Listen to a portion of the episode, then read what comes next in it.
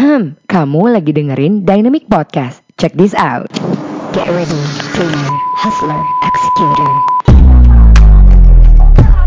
Thank you for listening to Dynamic Podcast. I'm your host Dayang Melati, founder dan juga CEO dari Dynamic Indonesia, sebuah marketing dan branding agency yang membantu para pengusaha, organisasi, hingga personality untuk berkomunikasi lebih baik agar bisa mencuri hati sehingga dapat melakukan transaksi dengan penuh percaya diri.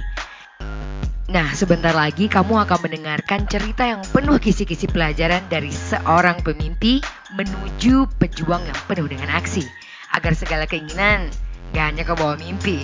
This is your Dynamic Podcast. Jangan ke bawah mimpi doang. Here we go.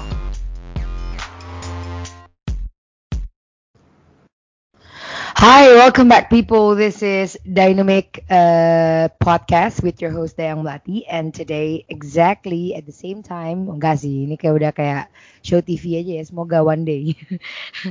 Tapi kali ini kita barengan sama apa namanya di Dynamic Podcast. Um, salah satu guest kita di Dynamic Live sebenarnya kemarin Dynamic Ngopi uh, ada seorang expert um, on copywriting specialist over five years experience dan uh, to be very honest kayaknya skill copywriting ini sangat-sangat sangat dibutuhkan oleh uh, semua kalangan industri pekerja apalah. Karena di dunia digital ya kalau nggak ngomong pakai video uh, sekarang udah ada clubhouse yang pakai audio ya mostly ya nulis dari zaman dahulu kala. Please welcome uh, our guest of the day of this episode Mas Raharja Putra. Halo Mas Raharja. Halo Mbak Daya. Selamat pagi. pagi Jumat pagi yang indah nih bersama Mas Raharja nih guys. Aduh, ini pasti lagi ngopi lagi ngapa nih Mas Raharja nih? Oh ini kebetulan pagi-pagi karena okay. biar sinyalnya ini stabil dan enak dengerin, jadi saya naik ke atas bukit nih yang dekat rumah ada Oh semacam kayak ladang gitu ya milik keluarga juga. Alhamdulillah. Lebih adem ya. suasananya Oke. dan pikir nanti kalau di tengah-tengah ada suara ya mohon dimaafkan burungnya. ya. Aduh, aduh, aduh, aduh. So guys, kita lagi recording di jauh dan jauh di sana di kampung halamannya Mas Raharja. Di mana Mas? Di Tuban, Jawa Timur. Wow, di Tuban Jawa Timur. Oke, bayangin Tuban Jawa Timur dan di sini di Kalimantan Barat, Bo- Kalimantan Barat Pontianak. Nah, the power of digital, digital teknologi ya Mas ya. Mm-mm, betul banget. Iya iya iya. So this power of digital teknologi kan udah lama ya Mas Raharja ya. Kita mungkin Mm, langsung uh, to the topic aja kali ya. Tapi of Mm, course we need to get to know uh, siapa Mas Raharja dulu nih. Intro dulu nih ke Dynamic Nation Mas Raharja. Silakan Mas. Raharja.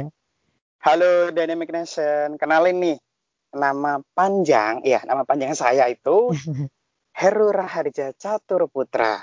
Kalau disingkat, ini jadi Raharja Putra. Mengapa? Karena di beberapa tempat ya atau beberapa tongkrongan kayak gitu, manggilnya Hmm. suka beda nih. Ada Hmm. yang dipanggil Raharja, ada yang dipanggil Putra, kadang juga dipanggil Catur.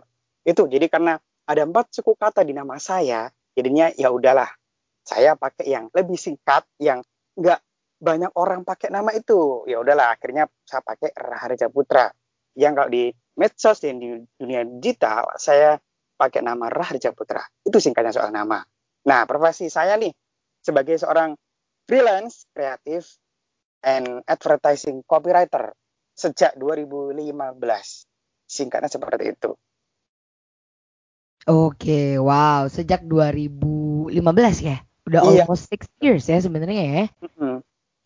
Wow, oke. So, um, dari 2015 itu internet udah hype-hype banget ya. Itu zaman-zaman apa sih, Mas Raharja? Blog ya? Apa Tumblr? 2015 itu masih kencengnya zamannya Facebook Ah, Hmm. oke. Gimana gimana?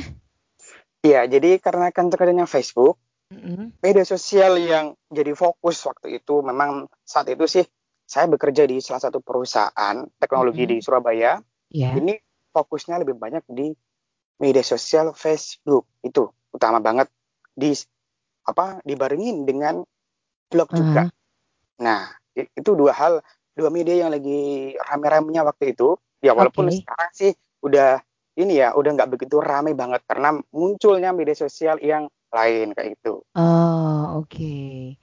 dulu rame-rameannya itu Facebook Mm-mm. ya. Oke oke. So Facebook. gimana tuh eh, Mas Raharja bisa langsung nyemplung eh, memulai bisnis ini tuh gimana ceritanya dulu? Oke, eh, ceritanya kan ini karena berawal nih ya dari hobi hobi hobi sejak Mm-mm. kelas 3 SD itu udah hobi nulis sama gambar. Nah, Hmm. karena berangkat dari hobi nulis dan gambar juga sering ikut beberapa tulisan yang ada di mading sekolah terutama waktu Oke. SMA, waktu kuliah, waktu kuliah juga seringnya ketika organisasi itu nyemplungnya di divisi informasi dan komunikasi. Tempatnya Ah. 2011 itu Mhm. masuk di salah satu organisasi kampus itu Ya. masuk di bagian divisi informasi dan Hmm. komunikasi. Itu megang konten website dan konten media sosial, terutama face, Facebook group, Facebook page dan sebagainya itu karena lagi rame-ramenya. Dari situlah setiap nyemplung di organisasi, ya Mhm. nyemplungnya di divisi informasi dan komunikasi. Jadi udah terbiasa megang konten beginian. Iya iya iya iya. iya. Kebiasaan itu juga akhirnya nulisnya juga ikutan stabil juga ikut Mm-mm. tulis entah itu di blog terutama di blog ini ya milik kampus walaupun sekarang udah dinonaktifkan karena udah jadi alumnus seperti itu dah dari situlah akhirnya setelah lulus tuh mikir nih ini mikir nyari kerjaan ya kerjaan Iya. yang sekiranya cocok ah. dan hobi karena kan kalau kerjaan sesuai dengan hobi kan enak tuh ngejalaninnya lebih lebih mengalir ya lebih apa pun nanti renanya lebih siap dihadapi nah itu akhirnya muncullah itu akhirnya tawaran untuk jadi Hmm. seorang copywriter seperti itu tantangannya waktu Oh. itu juga nggak main-main Mm-mm, selain mm. freelance ya freelance Ya. tulis dan juga Mm-mm. freelance gambar juga ngehadapin kerja di perusahaan teknologi dengan targetnya adalah untuk produk ber- B2B. Nah, tentu tantangannya berbeda banget Iya. dengan berbagai macam media tersebut. Akhirnya lah saya terima tantangannya dari sejak Hmm. 2015 hingga masuk ke kerja 2016. Akhirnya pernah ke beberapa ini ya agensi juga, pernah ke startup, hingga pernah hampir mau mencoba profesi lain, namun ternyata ya akhirnya kandas juga, nggak bisa masuk ke profesi lain. Iya iya Akhirnya iya. Ya inilah ternyata jalan hidup saya seperti itu hingga detik ini kita ngobrol bareng di sini. Oh wow. Berarti ini emang udah udah ke mana-mana ya sebenarnya ya. Kayak Bener. udah nyobain beberapa hal sampai sekarang independen seperti ini. Jadi sekarang eh, eh, Mas eh, Raharja ini stylenya freelance ya berarti ya? Iya, uh, freelance. Jadi bisa ngerjain berbagai macam produk maupun jasa secara Ah, samaan kayak gitu. Jadi tantangannya lebih lebih besar di sini daripada kalau kita kerja di salah satu perusahaan ah, hanya menghadapi produk yang itu-itu saja. Oh, wow. Oke. Ini menarik loh sebenarnya yang kayak em, apa tuh namanya gimana Mas Raharja eh apa tuh namanya decided untuk go un, apa mengexperience banyak hal ya Mas Raharja ya. Dan dan dan choose to be a freelancer itu nggak banyak loh orang yang oh ya gue freelance copywriter itu sometimes ada yang hah nggak deh gitu kan. Ada yang eh, awesome awesome. Kita akan akan akan ngetouch bagian itu nanti. But so Iya. far nih, bagaimana kan, aduh, karena pertama emang adanya ketertarikan ya pertama ya. Mm-mm. Tapi kalau seandainya ini gimana tuh? Kalau seandainya eh, pertama kali pasti udah ada ketertarikan dan akhirnya bilang ah oke aku pengen belajar menulis di dunia online yang sekarang akhirnya dinamain copywriting gitu kan. Itu tuh step by step belajar pertamanya tuh piye, Mas Raharja? Nah, gini, yang sering banget nih ya, Iya. yang apa diabaikan oleh teman-teman yang baru belajar soal copywriting ini adalah pemahaman tentang dasar-dasar bahasa ini yang sering banget diabaikan. Bahkan Iya, sampai iya. mungkin ini ya muncul beberapa pernyataan nih, ah Iya. bahasa kan bahasa Indonesia terutama kan udah jadi bahasa ibu kita. Ngapain kita belajar lebih lanjut lagi? Kan kita bisa ngomong pakai bahasa Indonesia, pakai bahasa nulis pun juga bisa. Jadi ngapain kita belajar bahasa Indonesia lebih dalam itu ngapain? Nah, sering muncul kayak gitu. Ataupun muncul pernyataan yang ketika udah nulis copy seringnya itu kayak gini juga ah soal struktur kalimat soal tata bahasa gaya bahasa hingga teknik menulis itu belakangan lah yang penting bisa memersuasi seseorang nah dibalik lagi padahal kan gimana kita bisa memersuasi seseorang melalui tulisan nggak ketemu langsung nggak menatap matanya langsung itu dengan baik dan benar kalau struktur kalimatnya aja udah berantakan. Nah, ini hal-hal dasar yang perlu ditanamkan, ibaratnya sebagai fondasi rumah. Jangan sampai kita bikin rumah itu dimulai dari mendirikan tiang dulu, hmm. terus mendirikan atap, terus ngisi dengan interior, baru yang belakangan bikin fondasi rumah. Kan nggak lucu. Kalau ke, ke, apa terkena badai, ya sekali terjangan aja udah rusak itu rumah. Sama hmm. belajar copywriting harus paham banget fundamentalnya, fondasinya mm -hmm. apa, harus langkah demi langkahnya itu harus jelas agar ya yeah, itu yeah. agar nanti apa yang dipelajari itu lebih runtut, lebih jelas, mm. enak dan terarah gitu, nggak nggak ke sana kemari. Apalagi di internet mm. kan udah bertebaran banget nih soal konten yang membahas dunia copywriting, baik itu di Instagram, baik itu mm -hmm di website maupun di media sosial yang lainnya. Itu yang perlu banget dipahami soal bahasa karena bahasa ya sebagai fundamental atau fondasi dari copywriting ini sendiri. Hmm, oke okay, oke okay, oke. Okay. Berarti pertama belajar dari fundamental bahasa ya kalau kayak gitu ya. Iya, nah, betul.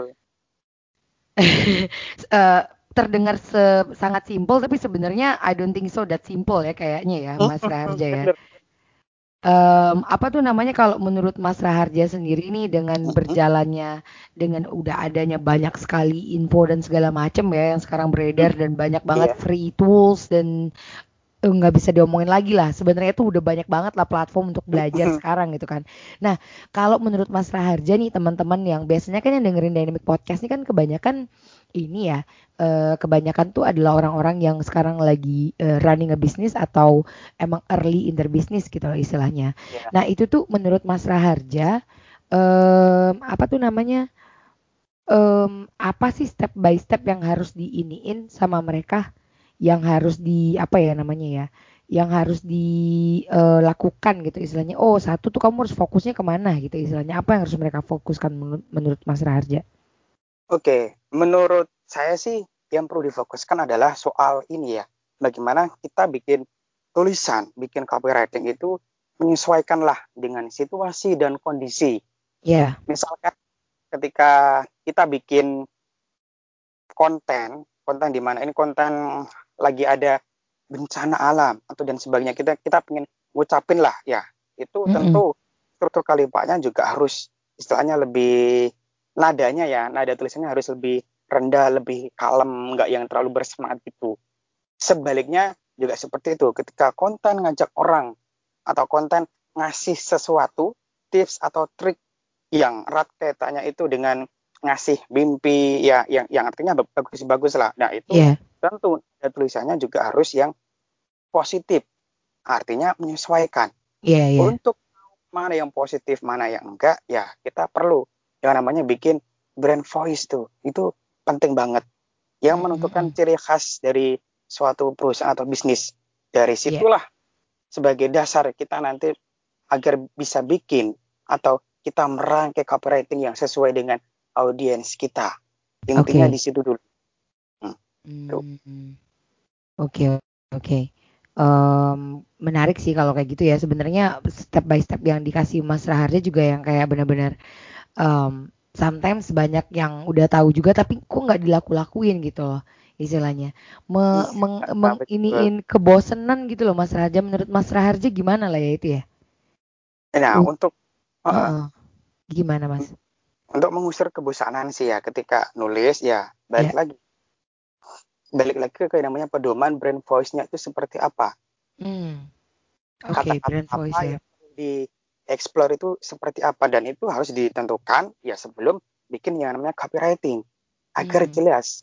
Apalagi nih soal gaya bahasa itu banyak sekali macamnya. Yeah, Baik setuju. ketika kita bikin ya, kita bikin untuk media sosial yang di mana hmm. ranahnya cenderung ranah bahasa percakapan, dengan media yang kita gunakan misalkan surat kerjasama atau surat niaga tentu berbeda bahasanya. Nah, soal copywriting itu sendiri tentu bukan hanya untuk dengan bahasa yang sehari-hari atau bahasa percakapan atau bahasa enggak baku.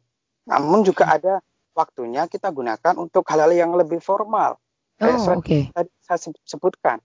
Nah, itu hmm. penting banget. Jangan sampai kita nggak bisa bikin surat niaga, surat penawaran nah, itu dengan baik dan benar atau bahkan yeah. masih berantakan dan itu memang perlu disadari copywriting bisa masuk ke situ bahkan hmm. bisa masuk ke hari-hari ya. keseharian yeah. bisa untuk parenting pun juga bisa nah Betul. untuk mengatasi kebosanan ya itu tadi kita harus balik lagi ke yang namanya brand voice-nya kita itu seperti apa hmm. atau yang lebih mudahnya ya kita pakai konten pilar atau istilah hmm. yang sering saya pakai itu matriks pemasaran kontennya itu seperti apa sih? Ada jenis-jenis konten yang apa yang perlu digarap. Nah, konten di berbagai media itu tentu Bu, bahasan juga menyesuaikan. Nggak lucu kan kita bikin untuk hal yang formal, untuk menjual lah ya istilahnya dengan target B2B, kita pakai bahasa sehari-hari. Belum nanti sampai ke pimpinan, itu penawaran kita udah pasti nggak bakal dibaca oleh orang yang terdepan dari suatu bisnis atau perusahaan. Mm -hmm. Itu. Oh, wow. Kalau kayak gitu bener-bener ini banget ya Mas Raharja ya yang kayak uh, ma dari mindset ya kayaknya harus dipikirin iya. ya nggak cuma yang kayak oh, aku bosan aku harus ngapain nggak kayak nggak ngitung waktu iya. tapi emang dari mindsetnya dulu ya Mas Raharja ya. Tapi kalau menurut Mas Raharja sendiri trik yang Mas Raharja lakukan untuk uh, oke okay, belajar dari mindset. Kalau seandainya dengan yang ada sekarang seperti ini nih hacks yang biar bisa aku juga percaya sih sama something yang instan gitu. Tapi apa sih habit? Nah ini nih yang harus nih. Habit yang harus kita install biar copywritingnya lebih bagus gitu. Karena yang kayak ya belajar ya belajar aja banyak resources banyak resources aja ya pasti akhirnya mindsetnya mungkin terbentuk gitu Mas Raja tapi Mas Raja ini hampir enam tahun loh sangat fokus dan sekarang bahkan freelance uh, fokus di freelance copywriting. Apa sih habit yang Mas Harja lakukan ya? Mungkin yang bisa membantu Dynamic Nation yang sekarang oh, aku kebingungan nih gimana untuk mm, memulai ads uh, apa tuh namanya bisnis aku atau bikin landing page dan segala macam. Apa sih habit yang Mas Harja lakukan biar copywritingnya itu efektif gitu? Silakan Mas Oke. Okay. Jadi ini dimulai dari soal ini ya, soal pola pikir atau mindset Ya. Sering kan orang itu ketika malas itu bersembunyi di balik kata-kata yang namanya writer block. Nah, itu kan sering banget. Bener antara, banget. Eh, nggak uh, bisa bedain antara mana yang ini emang lagi malas atau emang yang hmm. ini lagi writer block. Nah, hmm. ini cenderung kebanyakan ya lagi malas bersembunyi dengan kata-kata itu agar ya hmm. terlihat lebih keren lah itu. Iya, betul. agar agar lebih keren. lebih keren. Adaptasi ya, ya, ya. itu ya hmm. sebenarnya dimulai dengan kebiasaan ya. Kebiasaan hmm. di mana kita harus mau nggak mau ya harus hmm. menulis dengan konsisten setiap hari, menulis hmm. apa pun itu jenisnya. Ya. Baik itu soal keluh kesah selama kita kerja atau selama seharian ngapain pokoknya nulis aja. Iya. Nulis aja bisa dimulai dengan hal apa pun topiknya. Kalau ingin meningkat dengan cepat bisa ditetapkan nih setiap hari pengen nulis berapa kata. Misalkan dimulai dengan hari ini nulis 100 kata. Oke, besok kasih target bisa nyentuh atau nulis ya dengan misalkan dinaikkan jadi 200 atau 300 kata. Begitu juga berlaku kelipatan setiap harinya. Nah, dari okay. hal itulah nanti bisa mengatur atau bisa membuat sebuah kebiasaan yang baik karena terbiasa dengan yeah. menulis. Ketika kita terbiasa menulis ya nanti juga akan lebih mudah untuk menulis copywriting. Nah, medianya apa yang dipakai bisa media sosial baik itu Twitter, Facebook atau bahkan yang lebih bagus lagi itu pakai blog. Itu bakal hmm. lebih bagus lagi. Walaupun yeah, yeah. kita mungkin ada semacam kayak rasa nggak pede ya, nggak pede ini yeah, nanti iya. tulisannya yeah. bakal atau enggak ya, nanti bakal dibaca orang atau enggak ya. Ya nggak masalah, simpan aja buat privasi kayak gitu dulu bisa sebelum dibuka ke publik nggak masalah. Yang penting mau nulis setiap hari dulu. Apa pun itu nggak harus nulis yang kita untuk menjual suatu produk atau jasa nggak harus dulu. Artinya nulis dulu sambil nulis nanti tentu setelah nulis jangan lupa tipsnya setelah menulis apa pun itu bacalah dengan suara atau dilafalkan. Agar apa? Agar nanti ketahuan nih mana yang kurang tanda baca, mana yang kurang kata sambung, struktur kalimatnya nanti kalau bagus bakal kelihatan, kalau kurang bagus bakal nggak enak didengar. Nah itu nanti tipsnya di situ. Jangan lupa oh, itu termasuk bagian dari evaluasi. Nah, ibaratnya ya, kesimpulannya menulis terutama di media blog ataupun media yang lain itu ibaratnya sebuah latihan. Sedangkan menulis copywriting itu pertandingan. Untuk memenangkan pertandingan kita perlu banyak latihan. Gak mungkin orang yang yeah. bisa memenangkan pertandingan itu orang yang gak pernah latihan kecuali Tujuh. memang itu berkah dari yang di atas. Itu. berkah dari yang di atas ya. Wow, menarik menarik latihan tadi ya Mas Raharja ya dan ya, dan nggak fokus terlalu fokus buat jualan pas pertama gitu ya. Mm -mm. Nulis ya, nulis aja. Oke oke. oke. Uh, apakah tiga habit itu yang Mas Raharja lakukan untuk untuk apa ya lebih untuk memenangi pertandingan asik? iya itu habit yang untuk hal yang ini ya apa menulisnya. Namun yeah. tentu perlu diseimbangkan dengan yang namanya spiritual. Hmm. Oke, okay, sesuai dengan agamanya masing-masing. Okay. Jangan lupa untuk ditingkatkan. Ya, walaupun kita masih banyak dosa tetap ibadah yang utama itu. Selain itu juga jangan lupa ketika kita untuk belajar itu, ketika kita kan tujuannya pengen yang baik nih, ingin mm -hmm. bisa belajar copywriting yang bagus, tentu lakukan dengan cara-cara yang baik pula. Cara-cara yang baik itu seperti apa? Contohnya, misalkan kita udah nggak pakai yang namanya software bacakan. Yeah. Nah, yeah. itu hal yang sepele, yang sering diabaikan, padahal bisa berdampak besar. Karena yeah. saya sendiri sekarang udah nggak pakai yang namanya software bacakan maupun sistem operasi bacakan yang hmm. bentuknya jendela nggak pakai saya pakai oh. yang bentuknya penguin sekarang itu jadi lebih free banget atau cari disebut Linux lah itu saya pakai yang gratisan semuanya kalaupun hmm. ada yang berbayar ya saya pakai yang berbayar itu yeah. itu hal-hal yang perlu diluruskan terlebih dahulu agar ketika tujuan yang baik dilakukan dengan cara yang baik pula ya wow. insya Allah nanti hasilnya bakal jauh lebih baik bahkan di luar harapan kita, melebihi harapan kita. Kan ada pertolongan dari yang maha kuasa itu. Iya, iya, iya. Wow. Wah, ini berkeberkahannya juga pas banget diomongin di pas di hari Jumat ya. Iya betul. oh oke. Okay.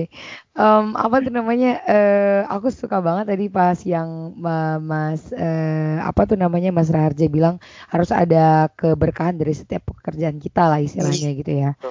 Um, kalau kayak gitu role model deh Mas Raharja tadi kita udah ngomongin beberapa hal ya tadi yang gimana tips untuk dan habit gitu. Kalau so far kalau role model nih siapa tuh Mas Raharja? Oke, okay, kalau yang role model yang dari Indonesia itu, iya. saya belajar hmm. awalnya itu dari Dewa Eka Prayoga. Ada Dan orang ini emang harus ada di ya siapa? Ivan Lanin, udah Ivan Lanin. Wikipediawan oh. bahasa Indonesia. itu wow. dua orang ini yang jadi role model saya sih. Uh -uh. Saya baca bukunya Dewa Eka sampai habis ya. Uh -uh. dari trik-triknya itu seperti apa ya dari awal berkarir saya patokannya di situ. Nah setelah itu baru saya barengin nih role modelnya uh. kalau yang dari luar negeri yang udah ini sih ibaratnya imajiner dari luar negeri yeah, yeah, iya. ada yeah. Bapak Periklanan Dunia David Ogilvy itu. Bukunya juga bagus sekali. Hmm. dipadukan dengan buku-buku yang dari buku copywriting dari Indonesia juga bagus sih. Hmm. itu saling melengkapi satu sama lain. Yeah, nah yeah, itu. setuju. Wow setuju banget sih uh, Mas Raharja yang kayak tadi by the way nih uh, Kang Eka nih bener-bener always disebut terus ya ini. Iya by the way nih yang kayak Hmm, ini kayaknya harus ada deh di podcastnya Dynamic nih, Kang Dewa nih. Uh, kalau gitu tadi dari Mas Raja kan belajarnya nggak cuma dari Indonesia aja ya, bahkan ada yang belajar dari luar negeri gitu istilahnya. Iya, Um, kalau menurut Mas Raharja sendiri nih, um, apa kegagal pernah nggak sih kalau ngomongin win-win mah win terus ya kayaknya it's hmm, easy iya. gitu istilahnya ya.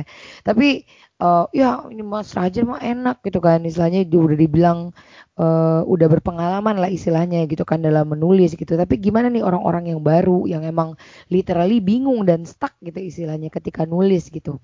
Atau mungkin uh, yang aku temuin ya pasti agency itu adalah misalnya nih kita habis briefing literally um, apa tuh namanya uh, briefing details gitu contohnya tentang uh, suatu strategi gitu kan. Terus akhirnya kan di, di dibagi ya istilahnya ke teman-teman uh, di uh, content writer dan juga desainer gitu kan.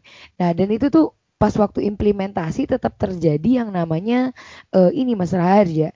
Apa tuh beda gitu akhirnya di translate-nya itu akhirnya jadinya beda gitu.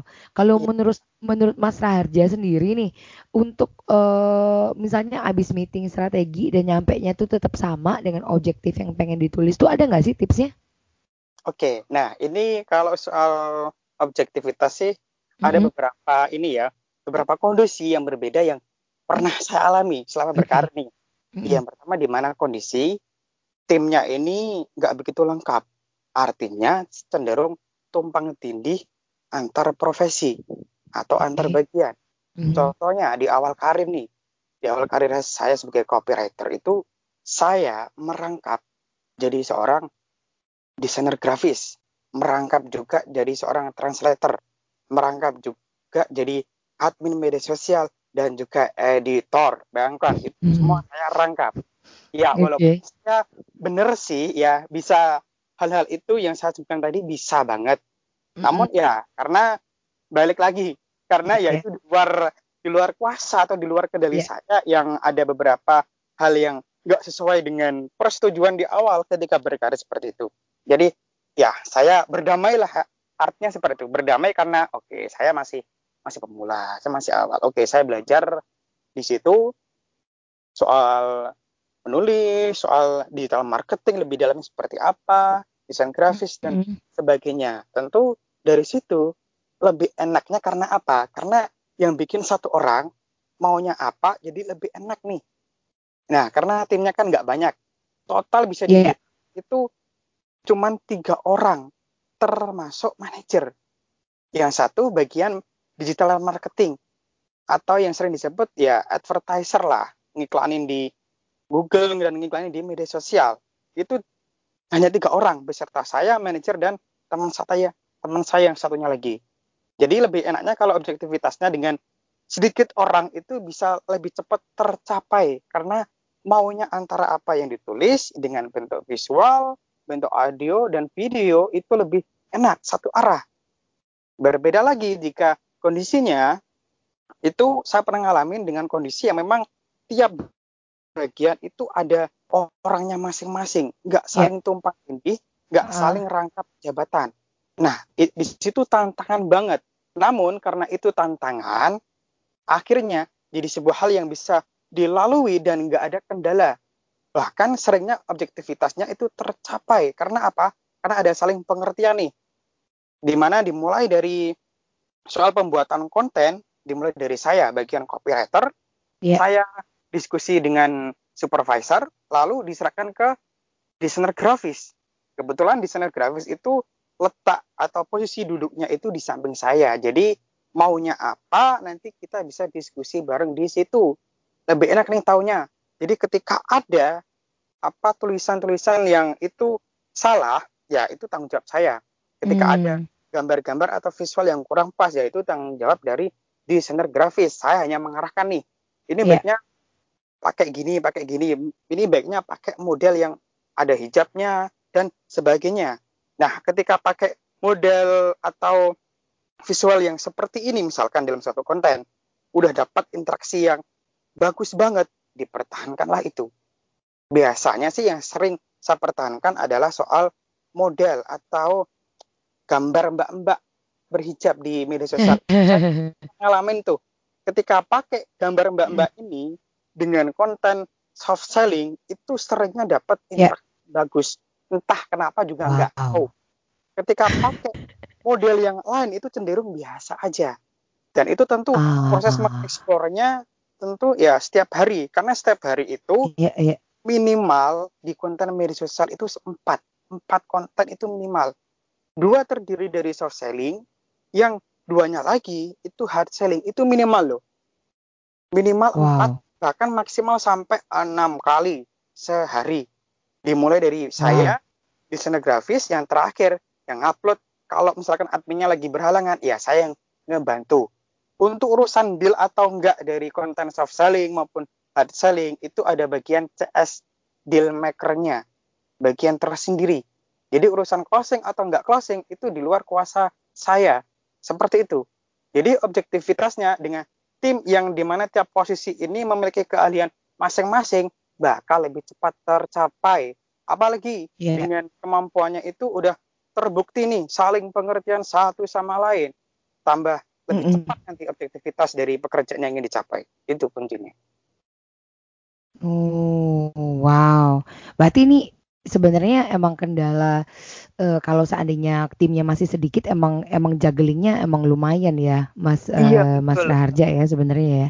betul banget Tapi ya eh, dulu aku waktu Dynamic baru-baru mulai sih emang kita emang ada double role tapi nggak sampai yang apa tuh namanya nggak sampai desain desainer jadi content writer juga sih dulu yang tapi itu emang agak terjadi di dunia-dunia di kota-kota besar ya Mas Raharja. iya betul banget keren Mungkin banget teman-teman kan profesi copywriter itu ya masih dianggap Heeh. terpinggirkan lah bahkan saya pernah itu melihat ada salah satu perusahaan yang cukup besar itu dia membuka lowongan copywriter yang bisa ngedit Iya. video, bisa ngedit Iya, iya, iya. audio, bikin desain juga, bahkan turun ke lapangan bisa. Itu bener. ibaratnya profesi copywriter atau profesi Ah, ah. CEO, Chief of Everything Officer. Nah, itu seringnya kayak gitu sih. Iya bener banget, bener banget Kang. Eh Mas, jadi itu yang kayak apa tuh namanya? Aku juga yang sometimes ngerasa em, edukasi ke audiens itu kan juga audi edukasi ke bisnis eh, Dynamic Nation para bisnis owner kan juga lumayan ini ya. Yang apalagi pasti bilang ya. Ella nulis gitu doang. Nah, sih? Aku aku berawal dari agency dulu sebelum aku buka agency aku seorang copywriter sebenarnya aku not a designer, aku copywriter. And aduh gila, sumpah itu sih yang berasa yang berasa banget. ah jadi Kalau yang ya jadi throwback ya. betul banget, apalagi kalau yang tumpang tindih profesi ini nggak berkaitan satu sama lain. Oke lah ya, kalau Iya, iya. misalkan masih berkaitan, lagi apa Iya, iya. jadi copywriter juga jadi content writer, jadi editor Iya. atau tra- translator masih nyambung soal tulisan. Namun ketika udah desainer grafis, video editor, ya itu namanya udah kerjanya udah bukan double lagi itu, itu udah 3 sampai empat kali itu dalam satu orang itu. Superman Betul, lah betul, ibaratnya. Betul, betul, betul banget, betul banget. Jadi itu yang kayak em, apa tuh namanya? em, gimana ya? Kayak buat eh, ininya sendiri, buat eh, apa tuh? Buat eh, mengefokus ke call to actionnya itu sendiri itu kayak berasa yang gimana ya? Udah overwhelmed gitu ya. Ah, Aku harus ini juga, harus ngedit ini juga. Akhirnya ada typo dan segala macem. Dan itu semoga nih Dynamic Nation yang dengerin eh, bisa paham ya sebenarnya untuk membuat suatu konten itu tuh sometimes bisa sampai seperti yang dibilang Mas Raharjo itu bisa ada enam orang, empat orang gitu. Karena benar-benar dikurasi, dipikirin dulu strateginya, diiniin dulu eh, apa namanya dibikin editorial plan. Ah, tapi aku tertarik mendeng dengan ini deh eh, tahu flow kerjanya Mas Raharja deh. Biasanya Mas Raharja untuk bikin satu konten itu gimana sih flow up pertamanya untuk satu klien gitu? Atau Oke, untuk ini pengen untuk satu uh, uh, bisnis lah gitu. Konten kalau ketika saya kerja freelance sih ini saya biasanya sih netapin tarifnya itu ya per 100 kata kayak itu. Ketika Oh, mereka wow. uh, per 100 kata dengan nilai sekian, nah ketika mereka deal atau pesanannya cuman satu atau dua, ya mereka harus menyelesaikan pembayaran itu secara penuh di awal. Enggak yang Mm-mm. di tengah atau bahkan dibayar belakangan. Jangan banget itu rawan. Ya kalau nanti dibayar, kalau enggak, walaupun perusahaannya besar misalkan, tapi Iya. kita kalah power, kalah kekuatan, kalah kuasa Hmm. dibanding mereka. Jadi kalau Iya. bayar di awal enak.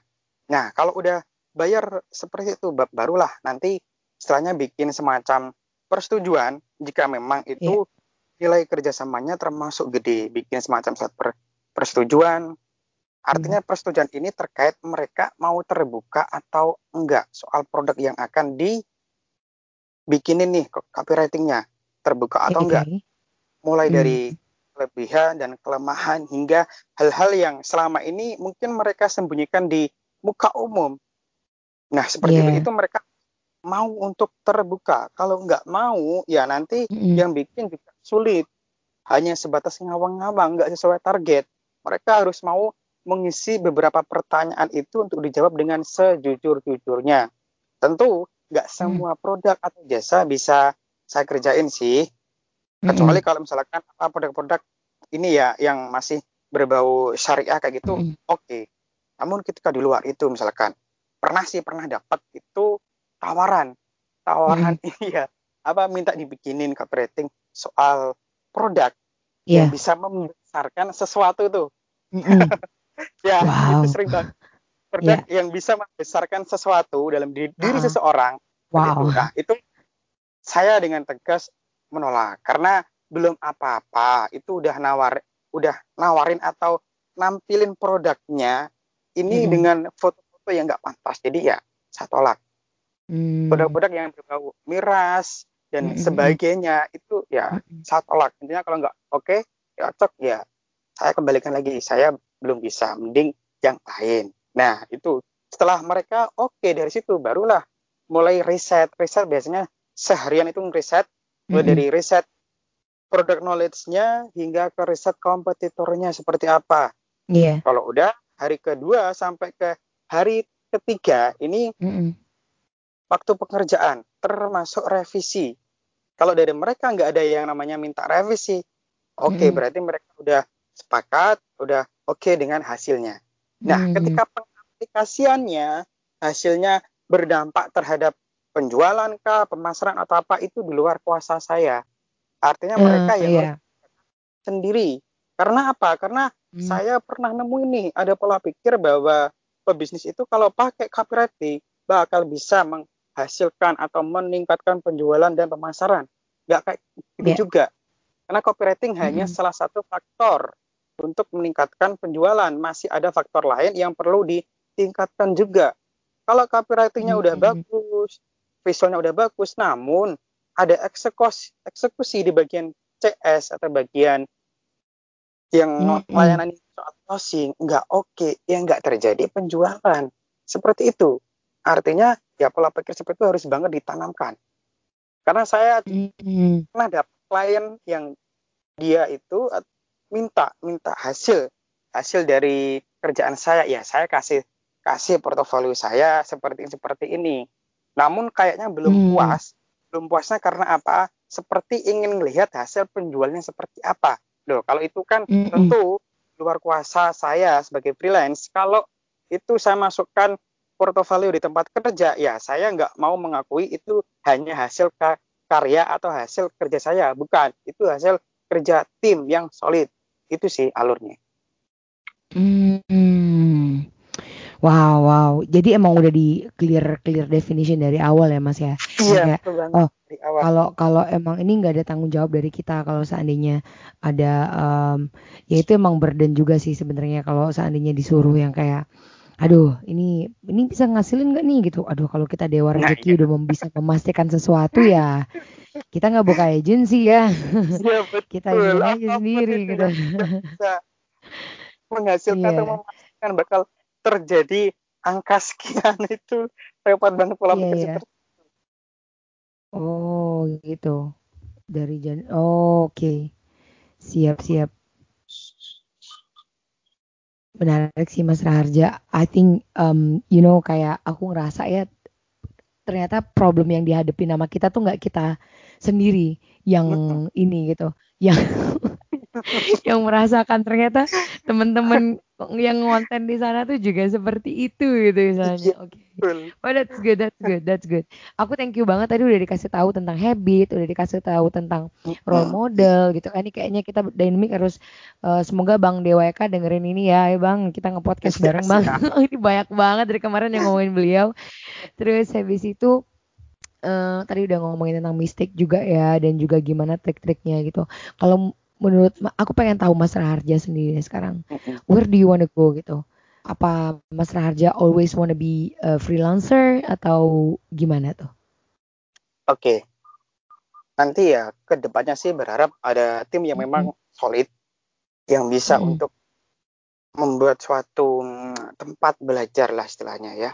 Tempat yeah, iya, belajar yeah, yeah, yeah. nanti sampai ke yang namanya agensi ke depannya oh, sih okay. satu mimpi saya itu bisa bikin uh. namanya akademi akademi bagi oh, mereka wow. yang ingin jadi seorang penulis wara atau penulis naskah iklan atau populernya copywriter jadi okay. benar-benar di mm -hmm. banget dengan profesi mm -hmm. seperti ini agar mereka itu mm -hmm. pola pikirnya jelas mereka ada tempat untuk belajar mm -hmm. yang memang memang itu mereka di pandu dari awal, mereka disiapkan kurikulumnya itu seperti apa.